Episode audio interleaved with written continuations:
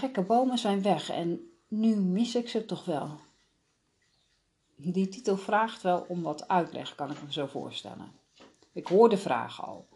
Wat zijn gekke bomen? Waar vind je die? Waarom zijn ze weg en waarom mis je ze toch wel? Ik zal bij het begin beginnen. De gekke bomen. Er zijn van die routes die ik vaak rij. De route naar mijn werk, de route naar mijn geliefde stad, maar zeker ook de route om mijn kinderen op te halen en weg te brengen. Toevallig hebben ze beide een connectie met dezelfde stad, dus is dat steeds dezelfde route. En op die route daar naartoe heb ik zo van die vaste herkenningspunten. De gekke bomen, dat was zo'n punt.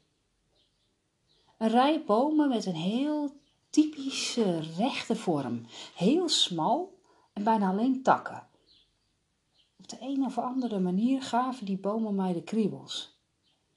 Of het nou de vorm was die ze hadden, of hoe ze daar op een rij stonden midden in het land. Een rij bomen die uit het niets opdoemt. En dan die takken als een soort net door elkaar heen geweven. Of dat het iets anders was, misschien het dorp waar ze vlakbij lagen, ik weet het niet. Ik weet wel dat ik er altijd naar moest kijken of ik wilde of niet, terwijl ik daar nou niet echt vrolijk van werd. Maar uh, zoals de titel dus al heeft weergegeven, de bomen zijn weggehaald. En nu ligt er een grote stapel boomstammen, dicht bij de weg. Stammen met een bijna grijze kleur. Je krijgt het gevoel of al het leven eruit is gezogen. Misschien was het wel zo en was dat de reden waarom ze zijn omgehakt. Misschien straalden ze dat zelfs wel uit en is dat de reden van het onheimische gevoel dat ze bij mij opriepen? Maar ja, ze zijn dus weg. En waar de gekke bomen stonden, is nu een gapend gat. Het is meer dan een gapend gat. Het voelt echt aan als een leegte als ik er langs rij en zoals altijd naar die plek kijk. Ik had verwacht een gevoel van opluchting te voelen. Bomen weg, onheimisch gevoel weg.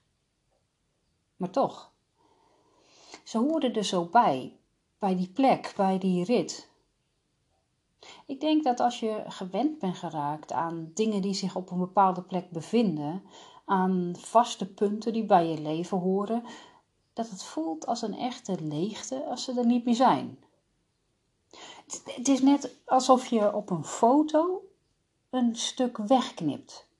Je ziet het nieuwe plaatje, maar je weet ook hoe het eruit zag daarvoor. En dat zijn de beelden in je hoofd die je niet zomaar kwijtraakt, al kun je ze niet meer zien met je ogen. Net als het beeld van mijn gekke bomen, die ik eerst kon missen als kiespijn, maar nu ze er niet meer zijn, mis ik ze toch.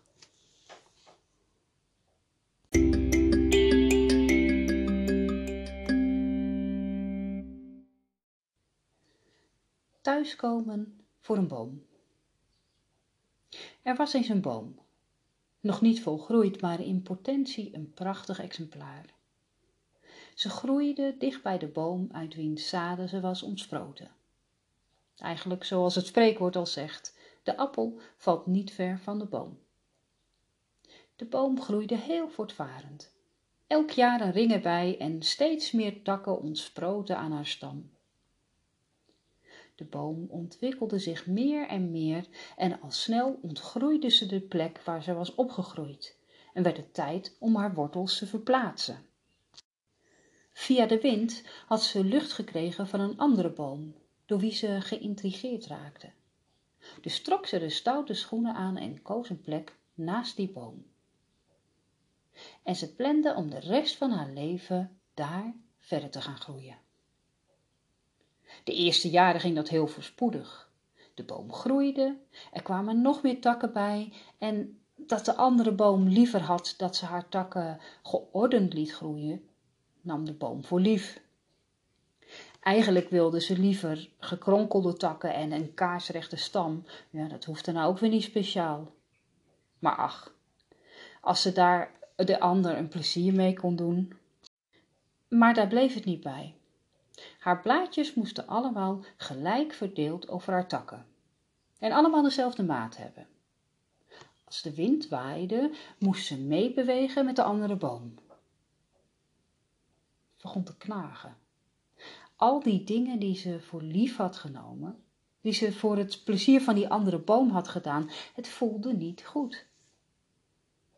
Ze voelde zich niet de boom die ze zou kunnen zijn. Ze voelde dat er zoveel meer in haar verborgen lag, wat nu steeds dieper verborgen raakte. Na lang wikken en wegen nam de boom een besluit. Ze vertrok naar een plek waar ze verder kon groeien op haar manier. Het duurde maar even en daarna bloeide de boom helemaal op. Haar takken waren kronkelig geworden en haar bladeren kriskras verdeeld over de takken. Ze bood beschutting aan allerlei vogels.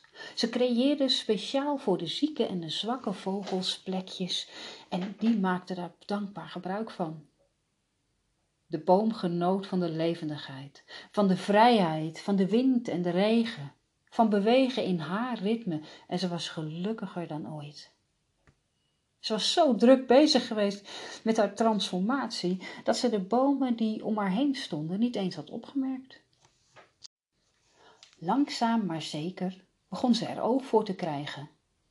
Ze keek voorzichtig om zich heen en haar oog viel op een boom die schijnbaar al jaren op deze plek had gestaan. Hij had een doorleefde stam, kronkelige takken en stevige wortels die diep in de aarde zaten. Ze keek naar hem, hoe die daar stond met zijn bladeren in de zon, de wind die er zachtjes doorheen blies. Zo'n rust ging er van hem uit. Soms keek hij ook even naar haar als haar blik zijn kant op ging. Ze kreeg dan een glimlach en een blij gevoel.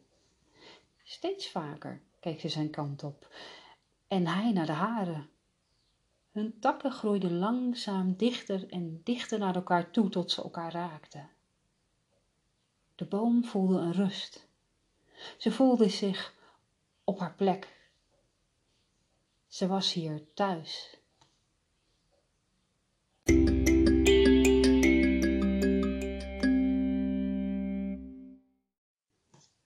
Vederlicht. Ik zit op een bankje langs het water. Het gras, de bomen, de rivier, alles is gehuld in een grijze waas. Of het ochtend is, middag of avond, is alleen door een blik op de klok vast te stellen. De waas strekt zich uit tot in mijn binnenste en heeft zich daar genesteld als een grijze betonnen vulling.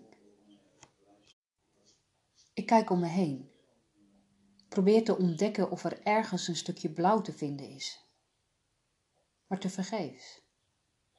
En ik verzink in gedachten. Dan voel ik de wind langs mij bangen, door mijn haar. Ik kijk op en ik zie een witte veer. Hij wordt meegevoerd door de wind. Omhoog, omlaag, vooruit en verder, totdat hij uit het zicht verdwenen is.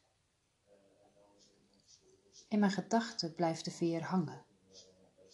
Eén veer, wiens richting bepaald wordt door de wind, opgetild en meegenomen naar wie weet waar. En wie weet wat hem daar te wachten staat. Als een onbekende toekomst waar je naartoe geduwd wordt. Maar als je er meer hebt, meer veren, die samen vleugels vormen, kun je vliegen. Kun je opgetild worden boven alles uit. Maar gedachten blijven gaan. Van die veer naar engelen, licht en wit met vleugels, zoals het klassieke plaatje, brengers van het goede nieuws. Of engelen zonder vleugels.